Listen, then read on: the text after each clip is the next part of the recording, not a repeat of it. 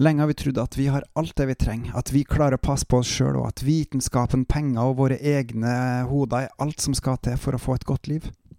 Korona har bevist det er feil. Kanskje står vi foran en opplevd mental og åndelig krise nå. Velkommen til Gud i sentrum av meg, Håkon Winnem. Gud er sentrum. Derfor må vi putte Han i sentrum. Bare da kan vi få et såkalt godt liv. Hva er egentlig et godt liv? Lenge har vi trodd at vi kunne skape det sjøl, men samtidig har det alltid vært fare for å bli utsatt for negative ting som kan ødelegge dette glansbildet. I overbeskytta Norden har vi lukka øynene for den urettferdigheten som er i verden, og som i mindre skala også er i Norge. Men menneskets natur er ondt. Vi er sjølopptatte. Vi handler først og fremst ut ifra egen vilje. Vi gjør først ut ifra hva som er best for oss sjøl, og de som vi ønsker skal være en del av vårt gode liv. Det er ikke rart at mange av oss ønsker å gjøre noe med det her nå, for urettferdigheten blir bare større og større. Samtidig er det ulike måter å prøve å løse det her på, akkurat som i politikken.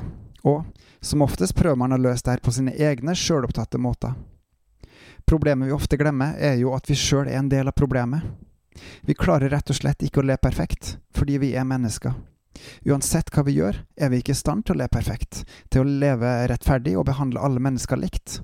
Det er umulig, fordi vi har en ond natur, og uansett hva vi tenker ut, vil det alltid være uperfekt, fordi vi er uperfekte. Hva gjør vi da? Noen fortsetter likevel i den tankebanen, at vi sjøl vet best, og kjemper for den eh, fordi det i alle fall vil skape en bedre verden enn den vi ser nå. Det er rent menneskelig å gjøre. Likevel finnes det noe større og bedre, noe godt. Det tar ikke vekk det onde, men det gir fred, liv og glede i livet her på jorda, og det smitter. Skal man få tak i det her, må man først innse og innrømme at man har en ond natur, at den ikke er verdig, at den ikke klarer å leve godt, altså elske det gode og hate det onde, det urettferdige. Kun Gud er god, fordi han har skapt alt og alle oss i kjærlighet, og han har vist oss hvordan vi skal leve for å leve rettferdig, for å elske hverandre. Han eh, har fra starten av eh, visst eh, at mange av oss kommer til å svikte han og være egenrådig og følge egen standard, og likevel elsker han oss så høyt at han ga sin eneste, sønn for å redde oss, for å lære oss opp i det gode, det rettferdige som gir liv både for den enkelte, men også for alle. Han venter, lengter og håper at vi alle skal omvende oss fra vår onde sjølopptatte natur til å ta imot Hans nåde helt gratis, sånn at Han kan vaske oss rein og deretter lære oss opp i sannheten. Denne gaven er Kristus Jesus. Kun ved å ta imot Frelseren kan man bli frelst fra sin onde natur. Kun ved Han kan man få evig liv. Dette er Guds gave til oss. Vi trenger ikke å gjøre oss fortjent til det, vi trenger bare å tro.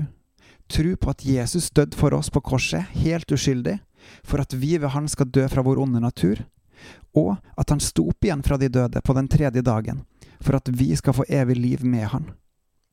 Innrømmer vi at vi ikke klarer å leve etter Guds gode standard og si 'Jeg tror på Jesus som min frelser', så er man frelst, født på ny inn i Guds rike.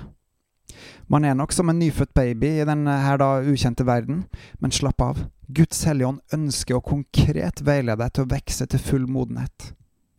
Så enkelt, så vanskelig er det, men du verden hvor godt det er, for alle. Ta imot Den hellige ånds veiledning, og du vil vokse. Da vil Han lære deg opp i hans standard, og da vil du gjøre mer og mer godt, ikke etter egen standard, men etter hans. Da kan du også gi den tryggheten, gleden og rikdommen videre til andre. Og nettopp det her er noe mange lengter etter i denne nyoppdaga, usikre verden vi lever i. Kun Gud frelser. Omvend deg til Jesus, og la Den hellige ånd lære deg opp i sannheten. Da skal sannheten sette oss fri fra jordens lenker, og flammen og dua skal lede oss helt til vi kommer hjem til Gud. Bebels og på gjenhør.